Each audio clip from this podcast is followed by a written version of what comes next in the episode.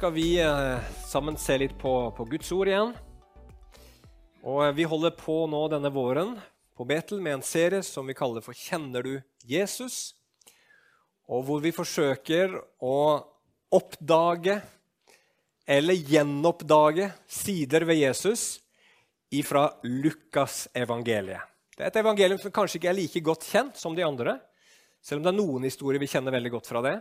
Så vi prøver å løfte fram litt sider ved Jesus som vi finner hos Lukas. Og i dag så har jeg eh, denne overskriften. Jesus advarer.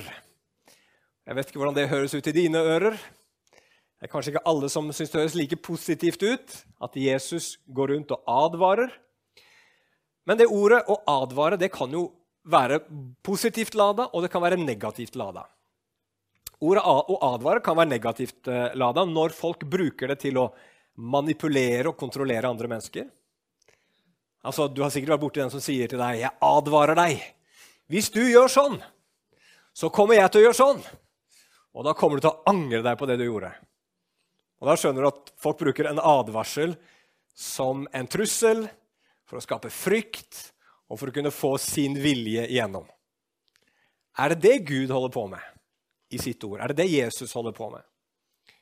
Noen mennesker kan nok tenke sånn at Gud er litt sånn en sånn hevngjerrig, usikker og kontrollerende Gud som hele tiden må true med, med ild og svovel og, og, og, helvete for å liksom få oss til å gjøre det han vil. Men det er virkelig ikke sånn Gud er. Kanskje vi kristne har representert han feil noen ganger opp igjennom og liksom gjort Gud til en sånn type Gud, men det er virkelig ikke sånn han er. Når Jesus advarer, så kan det heller sammenlignes for med et skilt som du finner på en høyspentstolpe, hvor det står 'advarsel', 'høyspenning', 'dødsfare'. Med andre ord, her er det noe farlig som du er nødt til å være klar over, og som du må passe deg for, for ellers så kan det bli livsfarlig. Eller den advarselen som Jesus gir, eller de advarslene som Jesus gir, kan sammenlignes med en narkoman, en tidligere narkoman som står framfor en skoleklasse og sier dere må aldri prøve narkotika. Ikke prøv det engang. Ikke ta, ikke ta en eneste dose en eneste gang. Fordi at de vet så inderlig godt hvor farlig det er, hvor ødeleggende det er, og hvor vanskelig det er å komme ut av det. Og Derfor står de der med gode intensjoner, med kjærlighet, ikke for å kontrollere eller for å komme noen trussel, men for å hjelpe mennesker til å komme unna, til å være klar over noe som er veldig ødeleggende og destruktivt, og for å beskytte dem fra det.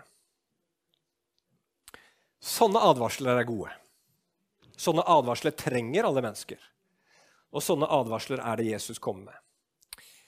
Og I dag så har jeg valgt én advarsel fra Lukas evangelium. Når vi satt og jobba gjennom Lukas evangeliet, Thomas og jeg, så var det veldig mange skriftsteder som handla om at Jesus advarer. faktisk. Veldig mye.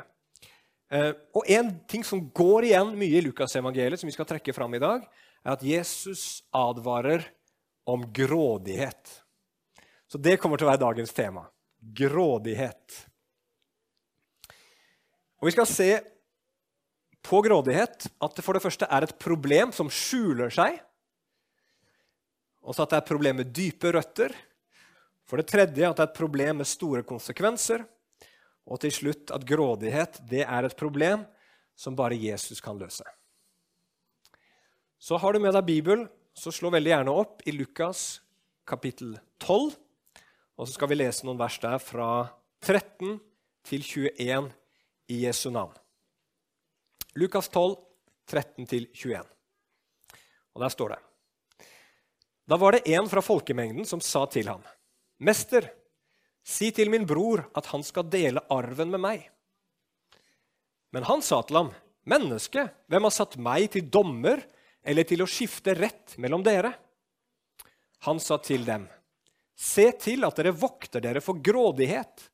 For ens liv består ikke i å ha overflod av eiendom.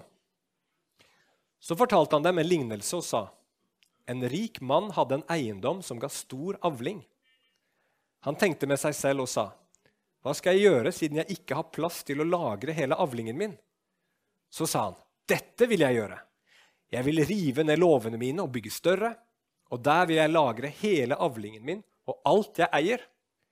Jeg vil si til min sjel, sjel, du har mye godt lagret for mange år. Slå deg til ro, spis, drikk og vær glad. Men Gud sa til ham, du dåre, i denne natt blir din sjel krevd av deg. Hvem skal da ha alt det som du har skaffet deg? Slik er det med den som legger seg opp skatter for seg selv, men som ikke er rik i Gud. Dette er Guds ord. La oss be sammen. Kjære himmelske Far, vi takker deg for at du, du, taler til oss om alt det som tjener til liv og til Guds frykt. Herre, du taler til oss for å hjelpe oss, du taler til oss for å rettlede oss. Du taler til oss fordi du elsker oss, du taler til oss for å vise oss hva veien er, nemlig i din sønn Jesus Kristus. Så Herre, bare hjelp oss nå til å ta imot ditt ord. Hjelp meg til å formidle det på en god måte, og la det bli liv i våre hjerter. La det bli frihet. La det virke kraftfullt på oss og forandre våre liv. Det ber vi om i Jesu navn. Amen. Ok, så grådighet. Grådighet det er et problem som skjuler seg. Hva mener jeg med det? Jesus han sier at eh, vi skal være på vakt mot grådighet. Og På den greske teksten så, så er det ganske understreka. Han sier med sånne bydeformer Se etter! Vær på vakt, sier Jesus, mot grådighet. Og Når Jesus sier det på den måten, så kan det virke som om dette her er noe man må være spesielt observant på. Akkurat som dette her skulle være et litt sånn ekstra snikende og skjult problem som det ikke er så lett å få øye på i sitt eget liv. Og Den teksten vi nettopp leste, gir nettopp et eksempel på det. For der er det en mann som kommer til Jesus, og så roper han til Jesus. 'Jesus, si til broren min at han skal dele arven med meg.' Så her har du en mann som føler at han har blitt urettferdig behandla. Han er en arving etter sin far sammen med sin bror, og så er det broren som har beholdt hele arven. Da var det sikkert fordi det var eldstebroren, og han hadde rett på denne arven ut ifra jødisk lov. Og Vanligvis når noen kommer til Jesus og ber om hjelp, så kommer Jesus til unnsetning. Men ikke i det tilfellet her. Her kommer ikke Jesus til hjelp. Og Hvorfor gjør ikke Jesus det? Jo, fordi han forstår at problemet til denne mannen her er ikke at han erfarer urett. Det er, fordi, det er ikke det som er problemet hans, at urett blir begått mot ham. Problemet hans er noe han selv tydeligvis ikke ser, noe som er skjult for han. Han føler å, jeg har blitt urettferdig behandla. Men Jesus sier til han og til alle sammen, fordi det er et generelt problem Vokt dere! Se godt etter! Vokt dere for grådighet.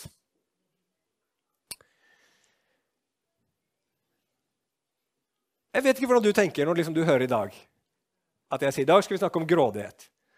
Så er det litt lett å tenke ja, ja, jeg har jo problemer med mye, men grådig det kan jeg vel ikke si at det er. Men hvis det stemmer, det som jeg nettopp sa nå, at grådighet er et problem som skjuler seg, noe som ikke er så lett å se hos seg selv, så må man iallfall være villig til å stille seg spørsmålet har det sneket seg inn i mitt liv også. Hva er grådighet for noe? Hvis du går til bokmålsordboken, der står det at en som er grådig, er en som vil ha mye. Og Da tenker du med en gang på han ikke sant, som er i, i bursdagsselskapet og så tar en stor del av kaka, tenker ikke på om det er nok til alle de andre.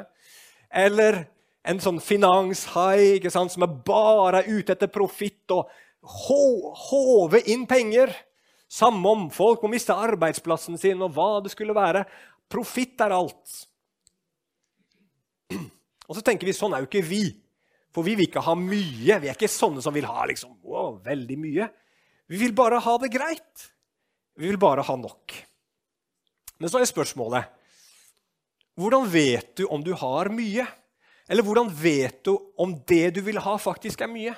Du må jo ha en eller annen form for målestokk, et eller annet som du sammenligner deg med, et eller annet du tar utgangspunkt i, og så ser du ut ifra det om det du vil ha, er mye eller ikke. Og det som jeg tror er rart, eller ikke er rart, det er rart, men det som jeg tror er tilfellet for oss alle sammen, det er at vi sammenligner oss stort sett med de som har mer enn oss selv. Gjør vi ikke det? Du tenker, Har jeg mye ting, så tenker du veldig fort på de som har mer. Veldig sjelden så sammenligner vi oss med de som har mindre. Når vi tenker rundt dette her med grådighet, så tenker vi alltid på de som tar mer enn oss. Vi tenker aldri på de som tar mindre.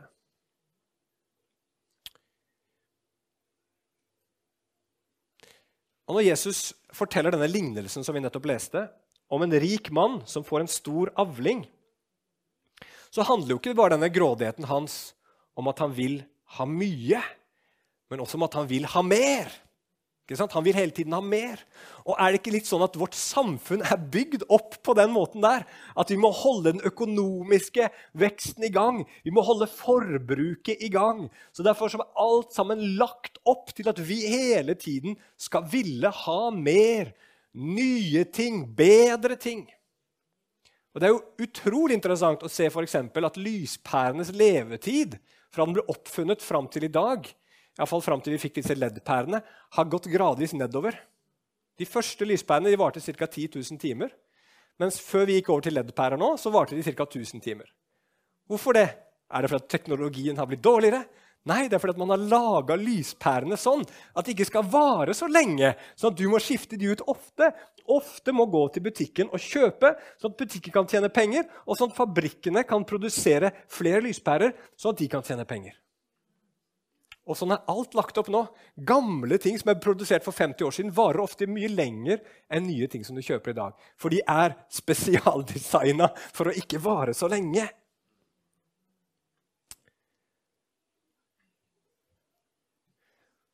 Og vi er blitt sånn i vårt samfunn, og vi er kondisjonert av det. Vi er påvirka av det. Og jeg tror også det er veldig sjelden at vi liksom stopper opp og så tenker vi, ja, nå har jeg alt jeg trenger. jeg. Overskuddet av pensjon eller lønna eller liksom ukepengene mine de kan noen andre få. Nei, Istedenfor så hoper vi opp, og vi vil stadig kjøpe og anskaffe oss nye og bedre ting. Så hva er det jeg sier for noe, da? Når er det for mye? Når vil jeg ha for mye? Hvordan kan jeg vite når jeg er grådig ut ifra Bibelen? Og Vi kan ikke svare på det spørsmålet før vi først ser på hva som er roten til problemet. For dette med grådighet det er et problem som har ganske dype røtter. Den, den eh, Lignelsen som Jesus forteller her, det er en ganske ironisk fortelling. For her har du en mann som har fått sitt livs innhøstning, sitt livs avling, han har liksom aldri vært så rik i sitt liv. Nå har han for mye til at det er plass til det i lagerrommene hans. Så han har et problem. Hva i all verden skal jeg gjøre med alt dette som jeg eier og har fått nå? Liksom, det passer ikke inn i livet mitt sånn som det er. Så får han en god idé. Aha! Jeg må oppgradere! Jeg må bygge større! Jeg må ha mer plass! Så at jeg får plass til alt dette her, denne rikdommen som jeg har fått. Så nytt og større er løsningen, og så kan jeg nyte overfloden som jeg har fått i mange, mange, mange år framover. Liksom, nå, ah, endelig! Nå kan jeg nyte. Og når alt ser så fantastisk lyst ut, og framtiden ser perfekt ut, og planene er lagt Nå skal han leve livet. Så dør mannen. Han trodde han var rik, men på et sekund så mista han alt sammen. Han trodde nå begynner livet, og så var det døden som kom istedenfor. Og Det Jesus forteller oss her, det er iallfall to ting. Det ene er at det er faktisk ganske meningsløst å ville ha mange ting. Bare tenk litt over det. Hva skal vi med alle de tingene? Augustin, en forkynner som forkynte på 300- og 400-tallet, veldig kjent fyr, han eh, hadde en tale til sine, eh, sin menighet. Han var en, eh, en biskop, tror jeg. Uh, og, og han, han, spurte de, hvem er det du samler altså disse tingene for. egentlig, sa han til dem. Er det til deg sjøl? Det kan det ikke være, for du kommer til å miste alt sammen. Er det til barna dine? Ja, Men vet du at de også en dag kommer til å dø? Hva er vitsen med å bruke så mye tid og krefter på å hope opp og samle sammen en masse ting som vi er garantert å miste en dag? Alt sammen! Det fyker ut og forsvinner. Du får ingenting igjen. Så det, det, peker Jesus på, men han peker på noe enda dypere. Og det er at grunnen til at vi hoper opp så mange ting, når vi vet vi kommer til å miste det allikevel, det er for at vi holder på å lete etter noe. Og Jesus han, han, han bruker et ordspill i teksten som ikke er så lett å se på, på, på, på norsk. Han bruker to ord som på gresk kan bety liv. Eh, det første ordet det er ordet psyke, som vi får psykologi fra, f.eks. Og det her er livet på et sjelelig og menneskelig nivå. Og denne mannen her, han lever på det nivået. Når han sier til seg, til seg sjøl 'Sjel, nå har du mye godt lagret for mange år.' 'Slå deg til ro, spis, drikk, vær glad.' Så er det dette ordet her, psyche, som han bruker. Så det er som om han sier til, han sier til seg sjøl 'Nå! Nå begynner livet!' Nå kan du leve livet. Nå skal du nyte livet. ikke sant? Dette ordet 'liv'. Her er det liv. Nå begynner livet. Men så viser det seg at han har ikke funnet livet. Han tror her er livet. Men så er det ikke livet. Det forsvinner, det blir tatt fra det skuffer fullstendig. Når det liksom skulle bli som best, så blir det som dårligst. Og så sier Jesus i vers 15.: Ens liv består ikke i å ha overflod eiendom. Og da bruker han et helt annet ord på gresk, som er ordet zoe, som vi har zoologi for eksempel, fra. Men det har ingenting med dyr å gjøre i Bibelen. I Bibelen så handler det om det guddommelige livet. Når det står at vi skal få evig liv av Gud, så er det zoe som brukes. Når vi har liv i Gud, så er det også dette ordet her som brukes. Det her er det sanne livet. Og så sier Jesus dette livet her det kan du ikke finne i ting. Du kan ikke finne det i rikdom. Du kan ikke finne det i eiendom. Men alle mennesker vi merker at vi lever, men at det er noe mer ved livet som vi ikke ennå har funnet. Det fins et livet med stor L. Vi ønsker å leve livet. Vi vet at det fins, og så søker vi det der vi kan. Men problemet, sier Bibelen, er at vi mennesker vi har vendt oss bort fra Skaperen, han som har dette Zoe-livet. Og da er det bare skapelsen igjen. Og skapelsen den har ikke dette Zoe-livet. Men vi er dømt, fordi vi har vendt oss bort fra Gud, til å søke det livet der som vi vet vi trenger i skapelsen. Så Derfor står det f.eks. i, i Romerbrevet 1,25 om oss mennesker. De byttet ut Guds sannhet med løgnen og tilba og tjente skapningen i stedet for skaperen, han som er velsignet i all evighet. Og I Kolossebrevet 3,5 så sier Paulus at, avguds, eh, at grådighet er avgudsdyrkelse. Så denne grådigheten handler ikke bare om at vi vil ha mer, eller at vi vil ha mye. Men det handler om at vi søker i det skapte, at vi søker i ting. Ekte glede, trygghet, mening, håp, verdi osv. osv. Og det er klart at Når du får noe nytt og fint, så kjenner du jo på en viss glede. ikke sant? Og når du endelig har betalt ned gjelden på huset ditt og studiet ditt, og, og pengene liksom begynner å fylles opp på bankkonto, så føles det jo ganske trygt. Det kan føles meningsfylt å spare til et eller annet, en ny båt kanskje, eller et eller annet.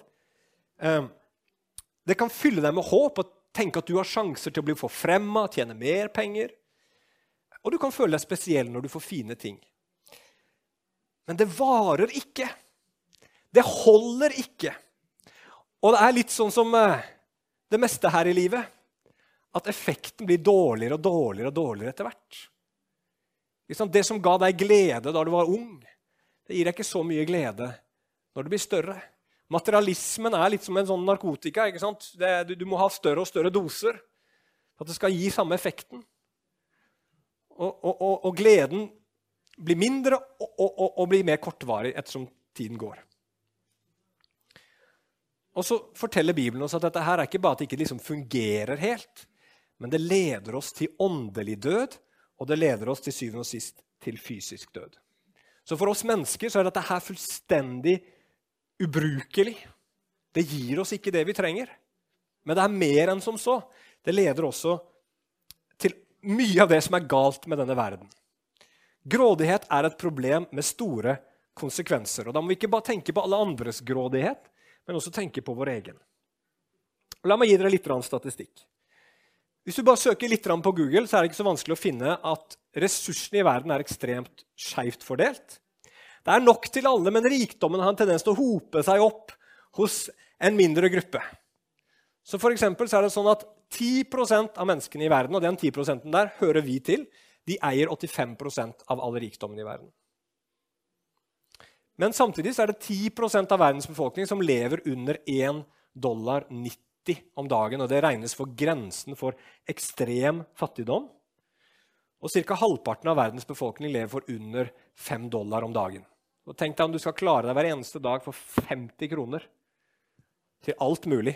Ikke bare mat, men klær, hus, transport. Alt du trenger. Og så er det ikke bare liksom det mellommenneskelige som blir berørt av det her. Når det gjelder naturen, så er det sånn at det er ca. bare 3% uberørt natur igjen på kloden vår, hvor dyr får leve i sånne uberørte økosystemer. Og dette her gjør at antallet insekter i verden synker med ca. 2,5% hvert år.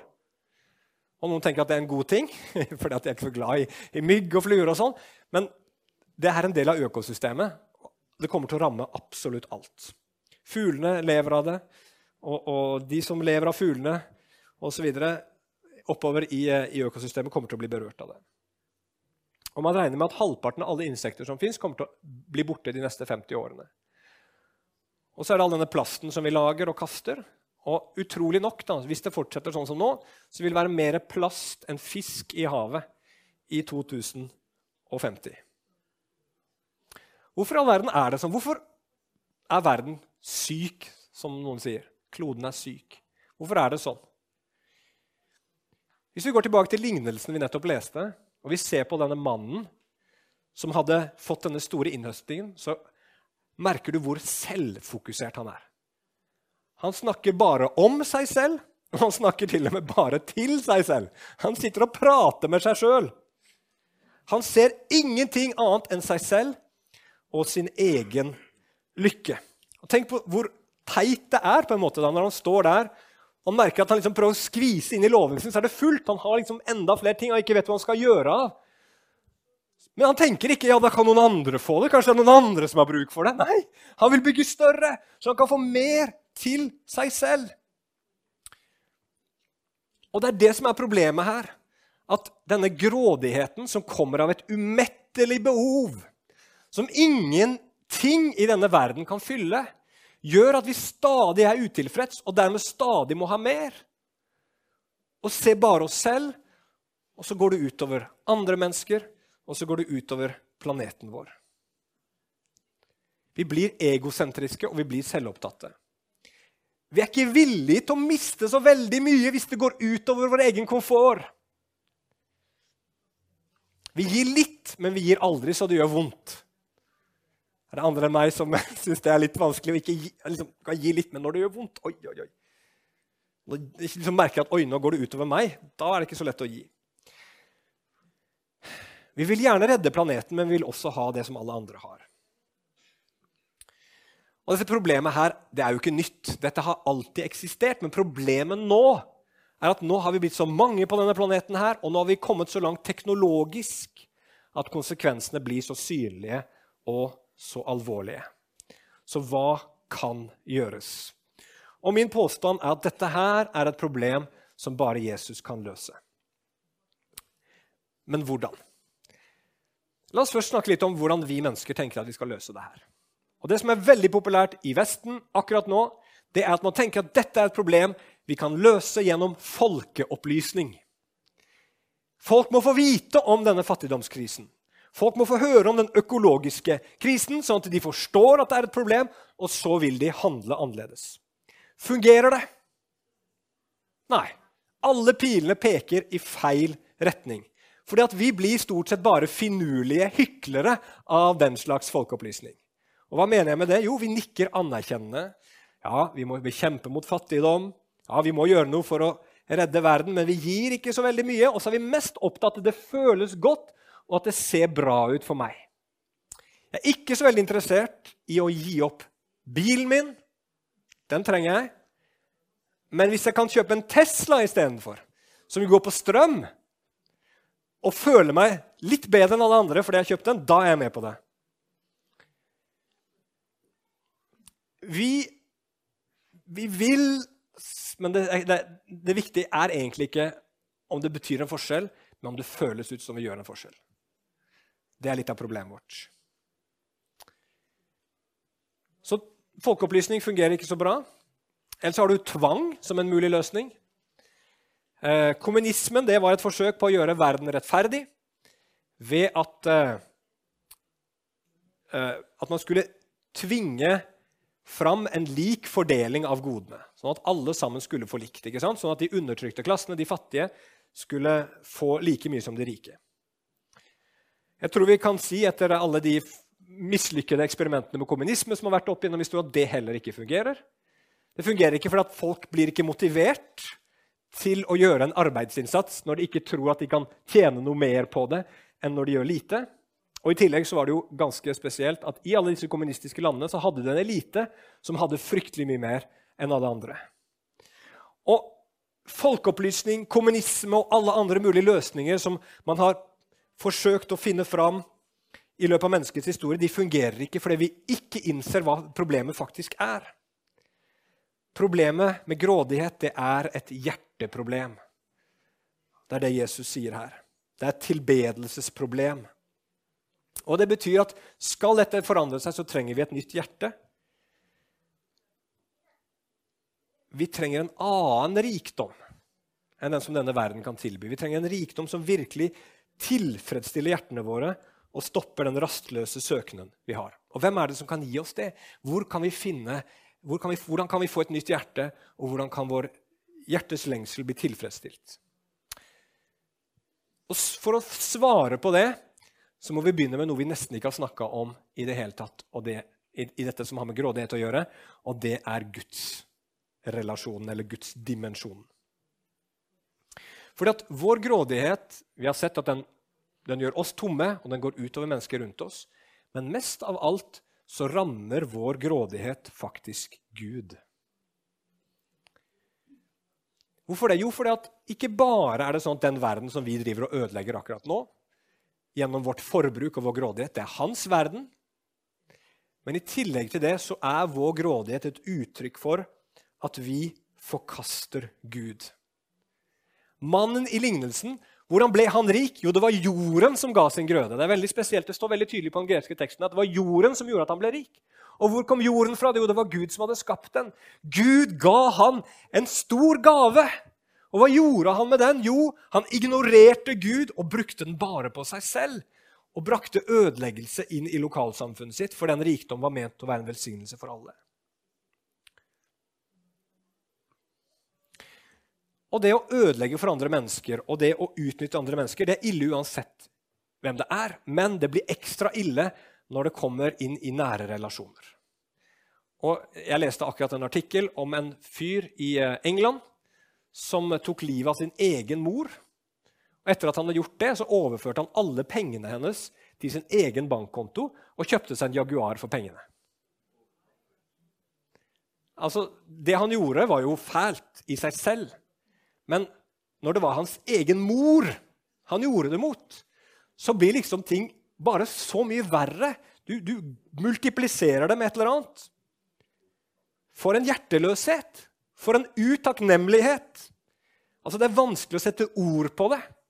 Og han fikk også lovens strengeste straff for det han hadde gjort.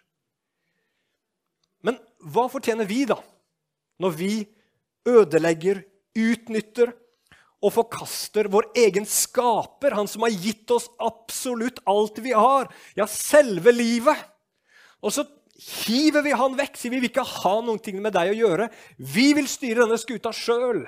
Vi vil gjøre med denne skaperverket som vi vil. Vi bryr oss ikke om deg eller det du har skapt, eller det du har bestemt. Er ikke det en større forbrytelse? Jo, sier Bibelen, det er den største forbrytelsen som fins. Og da fortjener den også den største straffen som fins. Den fortjener en evig død. Men så er det så utrolig, da. Det er så fint med å være en kristen at når vi kommer til det punktet her, hvor vi skjønner hvem vi er framfor Gud, når vi skjønner at han er veldig god, og vi langt ifra er gode, hvordan responderer Gud da? Hva gjør Gud som et gjensvar på at vi har forkasta han og misbrukt det han har gitt oss, og vært grådige? Jo, utrolig nok så er det sånn at Gud i stedet for å komme og ta tilbake alt det som vi urettmessig har tatt for han, så kommer han til jorda isteden for å gi enda mer. Når Jesus går til korset, så går han helt til det ytterste punktet og gir sitt eget liv for å bære skylden og straffen for vår forbrytelse, sånn at vi skal gå fri. Han er jo helt motsatt av oss. Eller i stedet for å sitte på og beholde den rikdommen som rettmessig er hans. Jesus hadde en rikdom, en herlighet, i himmelen som Guds sønn fra evighet. Men han forlater alt det, sier Bibelen, og så blir han fattig. Han ble fattig i den forstand at han ble et fattig menneske. Han ble født i en stall. Foreldrene hans var fattige. Han vokste opp under fattige, trange kår. Men han opplevde absolutt fattigdom på korset. For da ble han fratatt alt. Klærne hans tok de. Friheten hans tok de. Æren hans, verdigheten hans tok de. Ja, de tok livet hans. Og til slutt så roper Jesus ut, 'Min Gud, min Gud, hvorfor har du forlatt meg?' Han ble så fattig at han mista forholdet til sin far i himmelen. Og Hvorfor gjør Jesus det? Jo, det står at han ble fattig for at vi skulle bli rike. Tenk for en sjenerøsitet og en godhet vår Gud viser imot oss. Og istedenfor å holde dette livet med stor L, dette zoe-livet som jeg snakka om i stad, det evige, guddommelige livet for seg selv, så blir han et dødelig og sårbart menneske. Han kommer til jorda for å ta på seg den døden, den evige døden vi fortjener som straff for alt det gode, onde vi har gjort, for å kunne gi oss dette livet, sånn at vi kan få leve evig sammen med Han. Det livet som vi lengter etter, det livet som vårt hjerte så desperat trenger. Det er den Gud vi tror på. Og det kan forandre hjertene våre. At vi ser denne Jesus. En ubegripelig selvoppofrende kjærlighet som sjokkerer oss så mye, som overrasker oss så mye, som overrumpler oss så mye i vårt forsvar mot Han, at vi er bare nødt til å vende blikket ut, av, ut fra oss selv og se på Han og se på våre medmennesker istedenfor. Og det at Gud også gjennom Jesus gir oss adgang til fellesskap med Han. Det sanne livet, det er å kjenne Han. Det er det som er Zoé-livet. Det er å ha Gud som sin Gud, ha Gud som sin far. Kjenne Han, tilbe Han, glede seg over Han. Da fylles den dype lengselen på innsiden. Det er de gode nyhetene, dere.